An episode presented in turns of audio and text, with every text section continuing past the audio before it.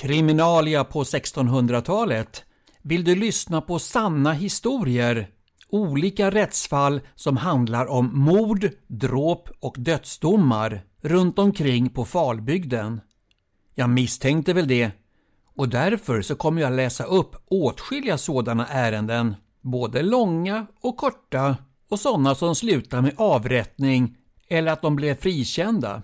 Sånt vet man aldrig i förväg. Kriminalia Rättsfall från Falbygden runt mitten av 1600-talet som berör mord, dråp och dödsdomar. Lagating den 1 juni 1648 någonstans i Visingsborgs grevskap i en trakt som numera tillhör Vartofta härad. Befallningsmannen Gunnar Thorsson påstår att ett rykte har uppkommit att Sven Jonsson i Skämmingsfors i Brandstorps socken ska ha dräpt Jöns Andersson, en inhysesman i en backstuga på Skämmingsfors ägor. Och detta för några veckor sedan. Varför han ska svara för sin sak inför rätten. Efterföljande ting den 14 september 1648 Hustru Brita Håkansdotter, boendes i en backstuga på Skämningsfors ägor.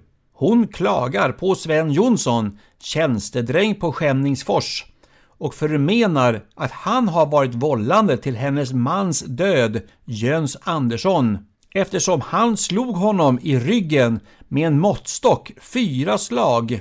Härtill nekar Sven, som hävdar att han inte slog fler än tre gånger och det var på armen och i sidan.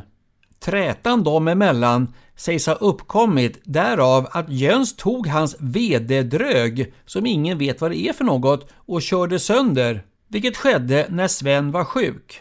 Huggen hade han fått åtta dagar före vårfrudagen i våras och därefter så levde han inte mer än nio dagar. Samma dag som han fick huggen så gick han till riksjägarmästaren Karl Hård för att hjälpa till med jakten. Då klagade han sig inte för någon, varken att han hade fått hugg eller att det gjorde ont därav. Sedan blev han skickad till Gate med ett par stövelskaft och inte heller där beklagade han sig. När han gick därifrån så slog han följe med några andra, men då blev han strax efter för så mycket ork hade han inte. När han kom hem så lade han sig ner och berättade att han hade ont. Och då först så berättade han för sin hustru att han hade fått hugg. Tredje dagen därefter sände han bud efter prästen och begärde sakramente, alltså nattvarden. Och då kom kaplanen i församlingen, herr Sven i skämning. Och här nu inför rätten efter avlagd ed så berättar han att han frågade Jöns Andersson ifall han hade ovänner, men därtill så svarade han nej och bekände ingenting för honom om huggen.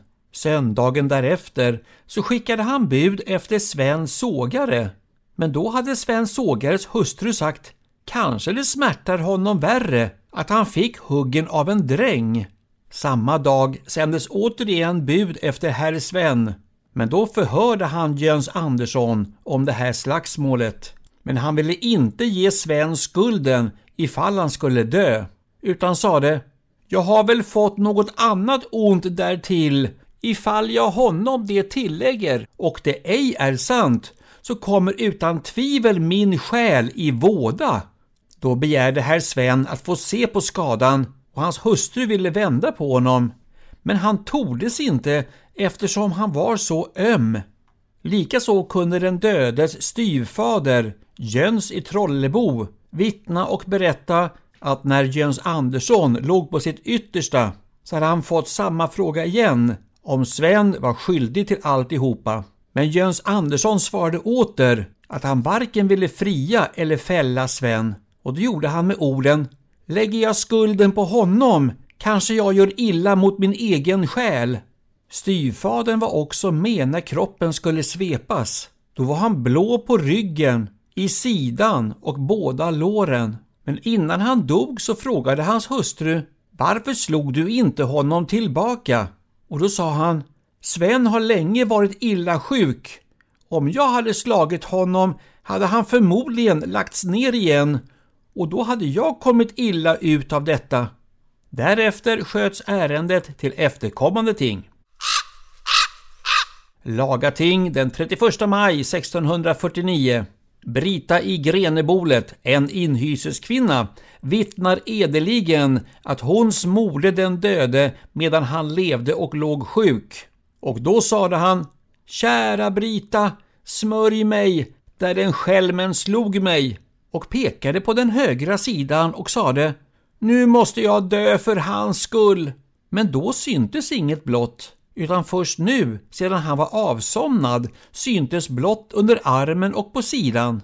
Häradsnämnden samlade sig och begrundade om de Sven Jonsson för dråpet skulle värja eller fälla. Då svarade alla enhälligt att de inte kunde värja honom eftersom, punkt 1. Han inte nekar att han slagit Jöns Andersson. 2. Att där han blev slagen var så öm att han ej torde vända sig. Punkt 3. Att han på sitt yttersta ej gjorde honom alldeles fri utan slöt saken i Guds händer. Punkt 4. Att det syntes blott efter hans död. Därför kunde denna rätten inte värja hans liv utan dömde efter det 35 kapitlet i dråpmålarbalken med vilja att undergå det straff som omtalas där. Dock skjuts detta ärende till den kungliga hovrätten.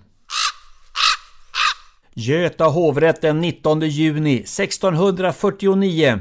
Sven Jonsson beskylld för dråp. Åtskilliga ransakningar över Sven Jonsson, tjänstedräng på Skämningsfors i Brandstorps socken, vilken har slagit Jöns Andersson? Fyra slag med en måttstock, efter vilka slag han inte levde mer än nio dagar. Häradsnämnden har dömt Sven till sann baneman och dömt honom till döden. Beslut.